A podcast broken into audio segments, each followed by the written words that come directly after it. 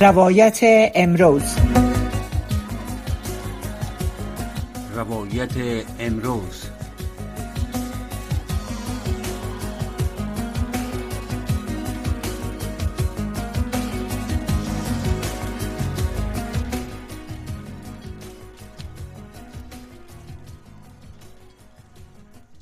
و وقتتان بخیر. امیدوارم در هر کجایی که هستین صحت و سلامت باشین و شنونده رادیو آشنا صدای امریکا روی امواج رادیو آشنا صدای امریکا باشین. باز هم برنامه روایت امروز است و ما فرخنده پیمانی در نیم ساعت آینده در برنامه روایت امروز میزبان شما عزیزان هستم. البته در این برنامه مهمانان گرامی هم از جرمنی و از افغانستان داریم که در برنامه با ما خاط بودن و روی موضوع وضعیت زنان در افغانستان و موضوع گیری سازمان ملل متحد و دیگر سازمان های حامی حقوق بشر در افغانستان صحبت خواد کردیم. البته قبل از او که مهمان های خود خوش آمدید بگوییم و بپردازیم بحث را آغاز بکنیم. می‌پردازیم به ای که چی موضوعات در رابطه با وضعیت زنا و موضوعگیری سازمان ملل متحد همچنان در مقابل محدودیت هایی که طالبان وضع کردن چی موضوعات است؟ پس از اعلامیه های مختلف دفاتر ملل متحد در قبال محدودیت های طالبان بر زنان و تعامل با این گروه دیدبان حقوق بشر خواستار اتخاذ موضع ثابت دفاتر ملل متحد در افغانستان شدند. پاتریشیا گاسمن معاون بخش آسیا در دیدبان حقوق بشر در مقاله زیر نام انتخاب های سخت در بحران بشردوستانی افغانستان نوشته که بیانیه های اخیر سازمان ملل متحد منجر به سردرگمی و اتهامات عدم انسجام در بین دفاتر سازمان ملل متحد در افغانستان شده. و به گفته از دفتر برخی به کارمندان مرد اجازه دادن که به کار خود ادامه بدن و در حالی که کارمندان زن اجازه رفتن به دفاتر سازمان ملل متحد در افغانستان را ندارند چون طالبان محدودیت وضع کردند و همچنان گاسمن روز دوشنبه 15 می در مقاله تاکید کرده که با آن به نیاز به انعطاف پذیری محلی ضروری است که رؤسای دفاتر کلیدی مانند برنامه جهانی غذا و یونسف موضع ثابت داشته باشند که اقدامات طالبان نقض قوانین بین المللی حقوق بشر و منشور ملل متحد است. البته ای در حال است که طالبان پس از حاکمیت دوبارهشان بر افغانستان در سال 2021 آگوست 2021 به طور مداوم محدودیت ها را بر زنان و دختران اعمال کردند که نه تنها به طور گسترده زنان و دختران را از رفتن در دفاتر ادارات حکومتی سازمان های غیر حکومتی و حتی دفاتر ملل متحد هم من کردند که ای شامل من آموزش دختران بالاتر سنف ششم هم میشه. با آنکه طالبان ادعا می‌کنند که به حقوق زنان احترام قائل هستند و برای بازگشایی مکاتب وقت نیاز دارن اما هیچ پیشرفتی در این تقریبا مدت دو سال گذشته در افغانستان در بخش حقوق زنان و دختران ما نداشتیم. خب در این بخش ای که موضوعگیری سازمان ملل متحد چگونه است و اینکه چی تعامل را در پیش گرفتن که باعث اعتراض های زنان در داخل و بیرون از افغانستان شده. ما مهمانان گرامی خود را به معرفی می‌گیریم. مهمان اول ما عاطفه کاکر یکی از کارمندان پیشین سازمان ملل متحد در افغانستان که فعلا در جرمنی زندگی می‌کنن و یکی از نهادهای که در بخش حقوق زنان دختران کار می‌کنن هم فعالیت می‌کنن و جولیا پارسی یکی از مدافعین حقوق زن در افغانستان که در برنامه با خود داریم و ایشان را اردو مهمان خود خوش آمدید میگیم و بحث را با ایشان آغاز می‌کنیم.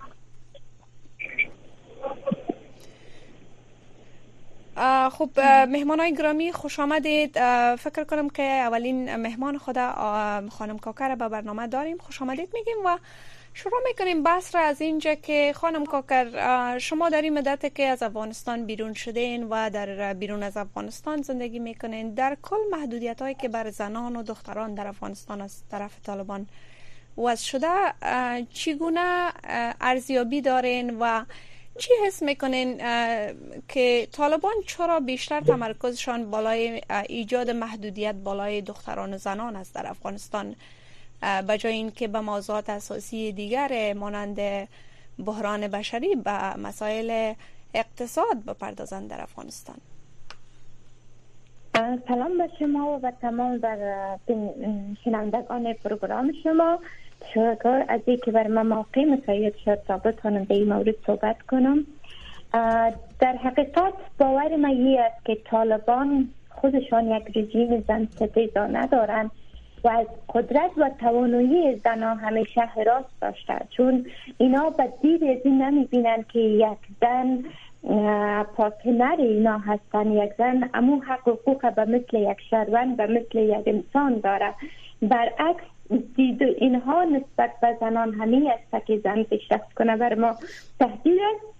بر رژیم ما تهدید است و خبر جدید را که من از خانمایی که در افغانستان دارم ترس حراس اینا از باز شدن مکاتب و دفاتر و یکجا شدن زنها با همدیگر در اجتماع می است که روز سرنوشت ایران دوباره بالای ما تکرار خواهد شد. زنها موقعش برشان مساعد خواهد شد که دوباره تدا بلند کنند. چون زن می‌تونه که چهار زن در مکتب در محیط کار با هم یک جای شوه و می پروگرام های مثل مظاهره و تظاهرات و جنبش ها را برا بندازن دقیقا مکمل محدود جایی را که بالای زنان ایجاد کرده همش از ترس و حراس و قدرت یک زن است کنا واقعا به قدرت زنها باورمند هستند و به می دلیل تمام کوشششان بالای محدود کردن و چوب ساختن ساکن ساختن و محو کردن زن از اجتماع بله. خب مهمان دومی ما را خانم جولیا پارسی را هم به برنامه خوش آمدید میگیم و از اونا هم که در داخل افغانستان فعالیت دارن و با زنان که برای احقاق حقوق اساسیشان در افغانستان مبارزه می‌کنند تحت حاکمیت طالبان. در حقیقت شما از زنان در روزهای اخیر تظاهرات را در افغانستان برای انداختن و که گفتن که در حقیقت سازمان ملل متحد باید تعامل خود را با طالبان متوقف بسازه و از یک موضوعگیری ثابت و روشن در افغانستان به حمایت از زنان افغانستان باید اقدام بکنه. به نظر شما موضوعگیری سازمان ملل متحد را از آغاز حاکمیت طالبان بر افغانستان تا اکنون در قبال زنان و دختران که بیشترین محدودیت های طالبان هم در این زمینه بوده. چگونه بررسی می‌کنین؟ به نظرتان چگونه بوده؟ آیا واقعا حامی و یا پشتیبان زنان سازمان ملل متحد را میپندارین و یا سازمان های دیگه که همسان سازمان ملل متحد در افغانستان حامی حقوق بشر خود را معرفی کردن؟ چگونه از برداشت شما از موضوعگیری سازمان ملل متحد؟ تشکر درود بر شما بر شنونده های عزیز و همچنان بر ایمان گرامی.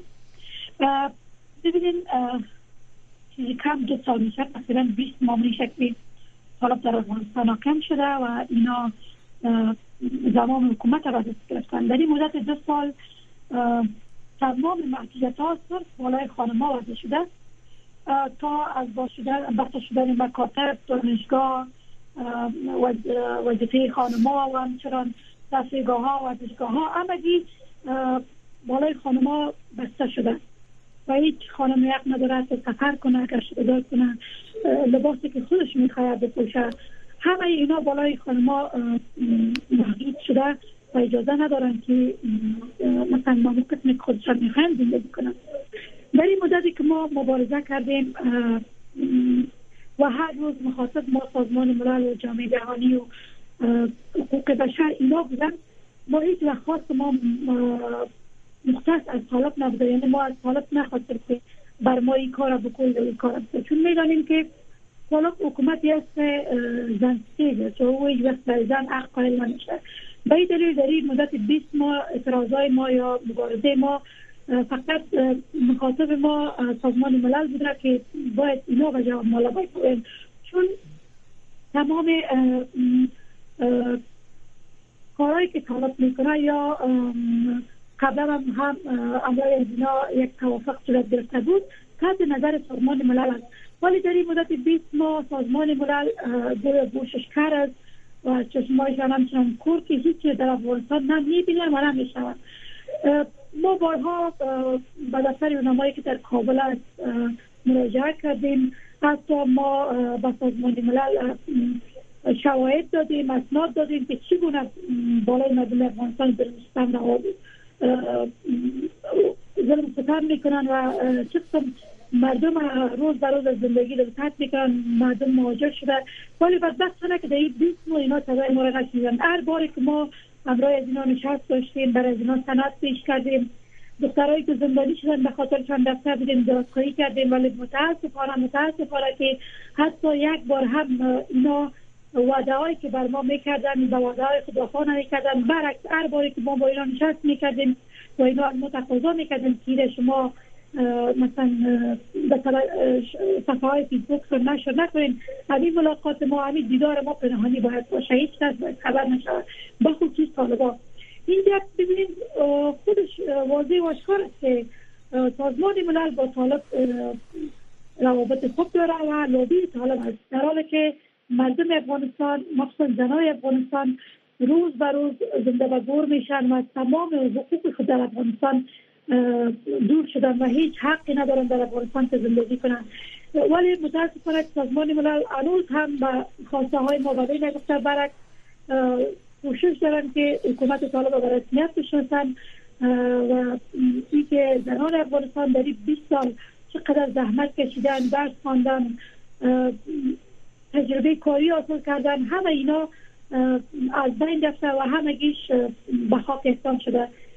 و متاسفانه که سازمان ملل در افغانستان مثل یک دفترش هم مثل یک میمانخانه بر طالب است که هر گاهی که دلچار خواست می‌تونن کنج جلسه بگیرن و جلسه هایشان هم کسی بله. باشه که مجلس ها بالای خانم, خانم ها وضع میشه حتی کارمندای دفتر اونما که از کارشان برکنار شده دفتر سازمان ملل نتانستن که دوباره کارمندای خود و دفتر بخواین به اونا گفتن که باید از کار کنن این به این سازمان ملل خودش را بی طالب است و با طالب هم خب در حال است که خانم پارسی که سازمان ملل متحد هم با نشر اعلامیه در مقابل سوال که مردم افغانستان بیشتر نگرانش بودن و گفته که در دوحه اعلام کرد که ما به هدف به شناختن طالبان با آنها مذاکره نمی کنیم بر هدف حمایت از مردم افغانستان متمرکز میمانیم. با وجود که مشکلات گفته وجود داره ولی ما نمی‌تونیم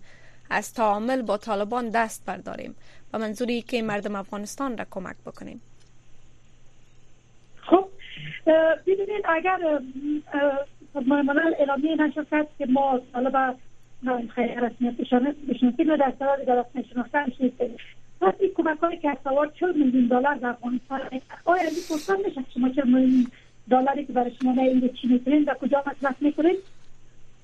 در افغانستان تعدی گشنگی به حوج خود رسیده باور کنیم که ما در افغانستان هستیم مخصوصا در کابل از طرف شام به طرف حبازی ها بروید ببینیم که به هزاران نفر نشسته و دست به گدایی و در شهر و بازار همچنان وقتی که یک دانه نان بخرید چند نفر سفل خورد و زن کلان و پیر و جوان در جمع میشن یا ما هم نان بخرید نان نداریم در خانه پس این چل میلیون دلار به چی کمک میشه؟ وقتی که به نام کمک های بشر کمک های بشری است ببخشید. وقتی کمک ها برای چی میشه؟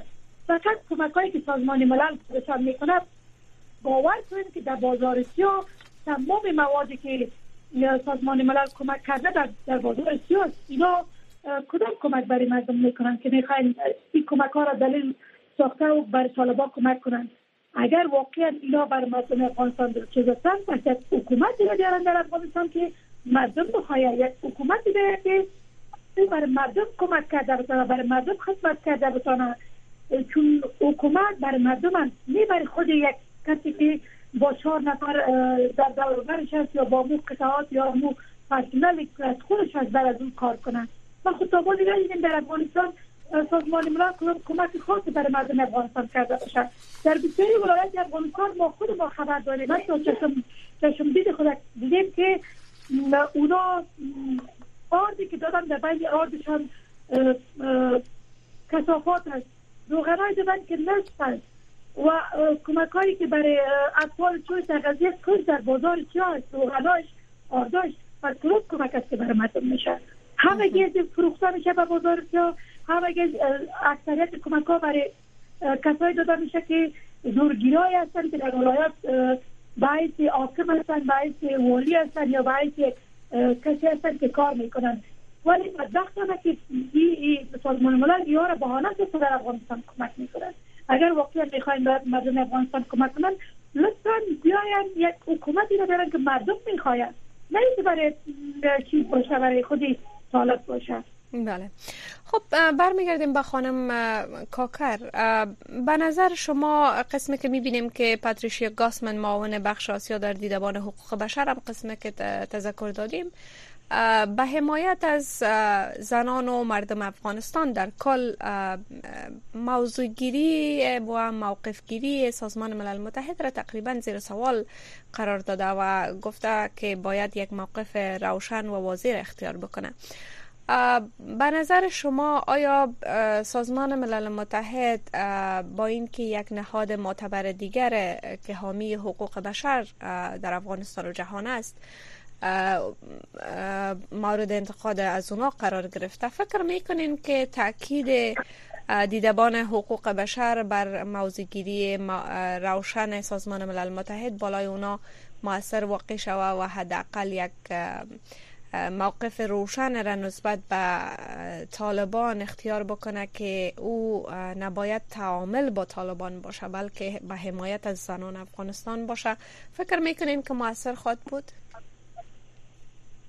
بله دقیقا دیدبان حقوق بشر و یا هر نهاد هر یک فردی که امروز در اجتماع بخصوص در دنیای غرب وجود دارد صدایشان بلند می‌کنند و از حقیقت های ناگزیری که فعلا در افغانستان وجود دارد بخصوص به ارتباط بر موقف جامعه جهانی بر موقف سازمان ملل در افغانستان که متاسفانه در مدت دو سال ما همیشه در صفحات مجازی در پلتفرم های بین المللی که اینجا اشتراک کردیم همیشه از این نقد کردیم که سازمان ملل متحد و خصوص حیات سیاسی شانیونما در افغانستان یگانه موقفی را که اینجا ایجاد کرده و داشته فقط نشر اعلامیه است فقط چهار کلمه است که بالای ورق و بالای وبسایت و بالای صفحاتشان دیده میشه.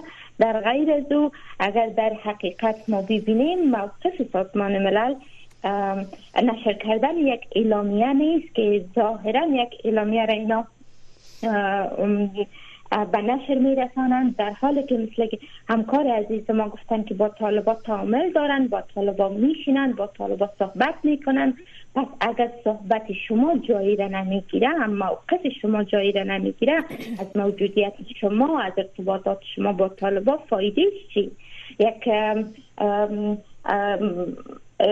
کلمه بسیار عامره در زمانی که وقتا ما با سازمان ملل کار می‌کردیم ما داشتیم می‌گفتیم که نباید بزنس از یوزول باشه. یک کاری که همیشه صورت می‌گیره و یک کاری که به شکل operational wise می باشه که او ما بیس نمی باشد. او ما نتیجهش نمی بینیم واقعیت موقعیت و موقف سازمان ملل در جریان دو سال که mandate از اینا از طرف سازمان ملل متحد در نیویورک تمدید میشه.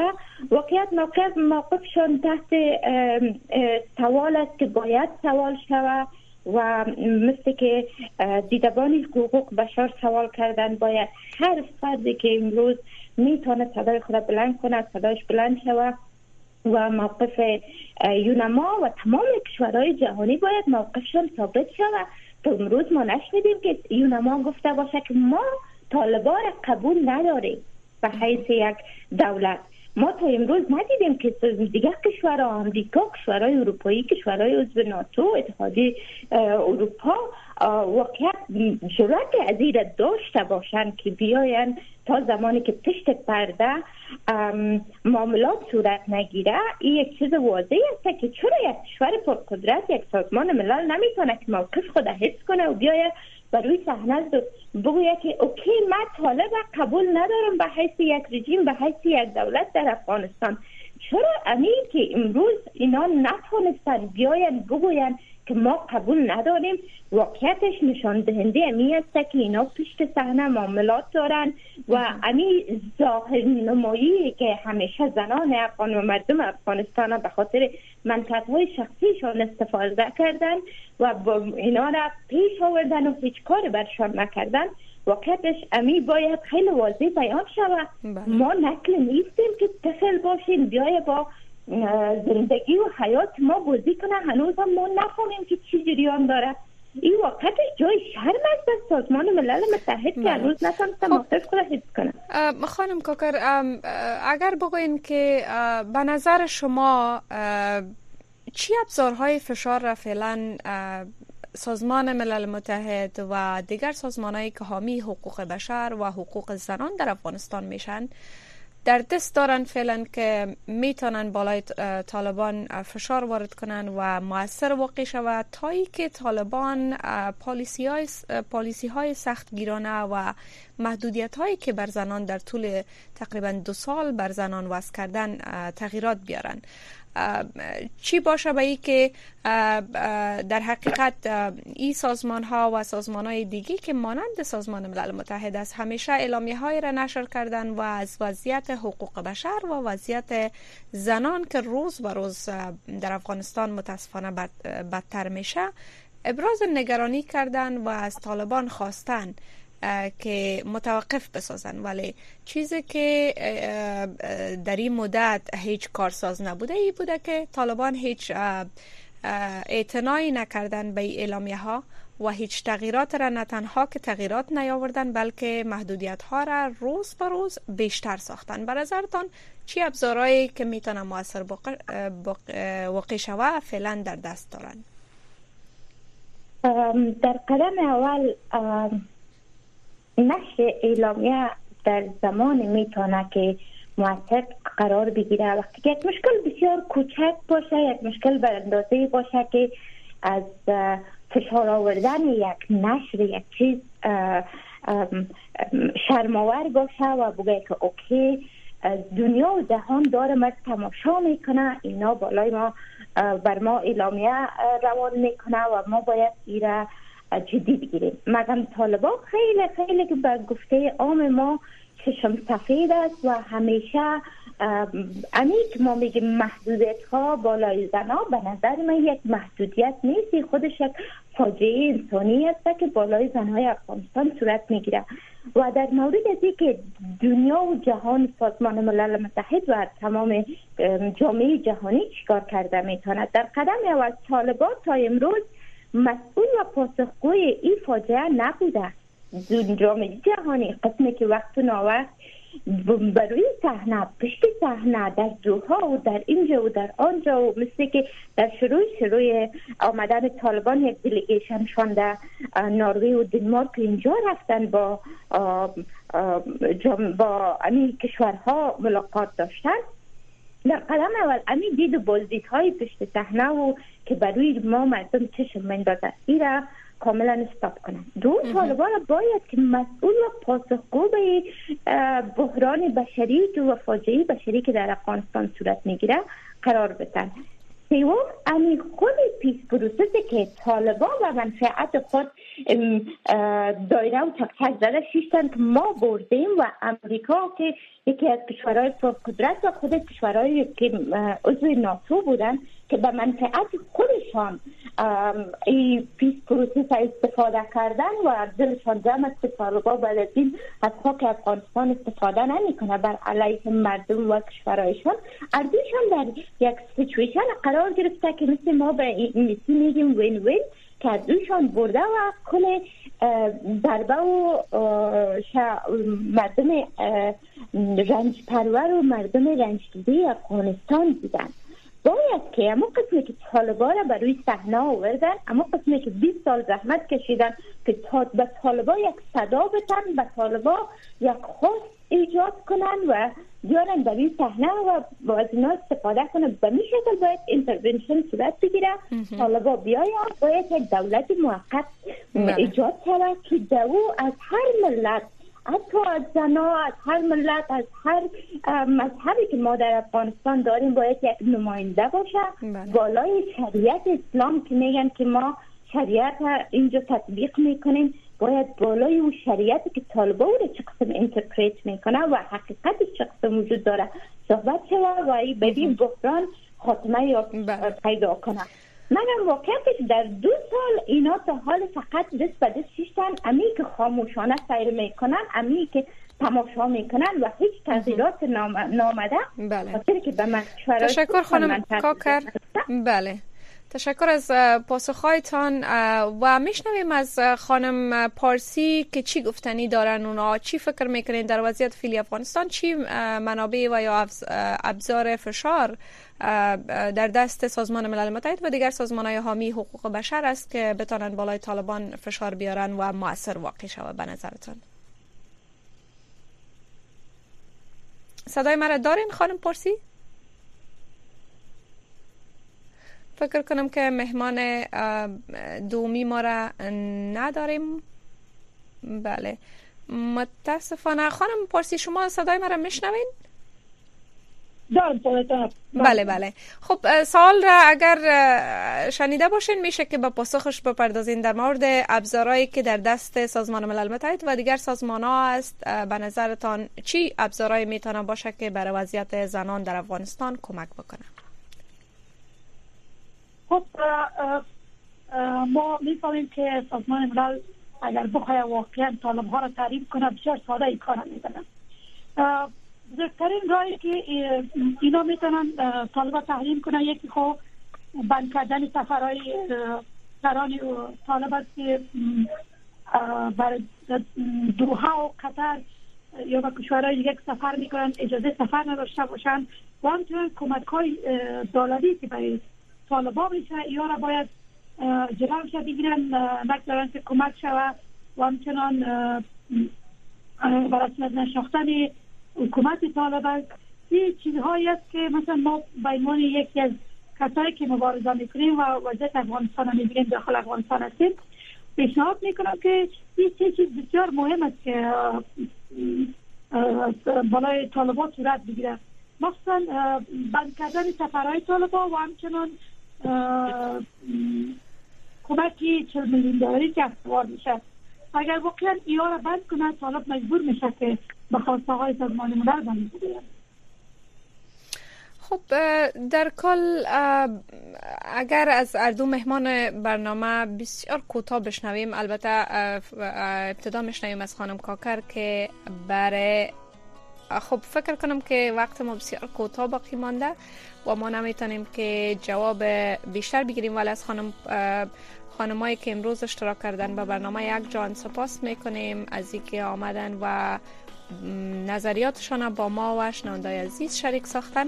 یک جان ممنون به برنامه های آینده. انشالله باز هم شما را خواد داشتیم تا در مورد وضعیت زنان در افغانستان و اینکه چی کارایی می‌تونیم. ما من حیث شما من حیث زنان که حامی و یا مدافع حقوق بشر هستین انجام بدید یک جان تشکر سپاس از حضورتان.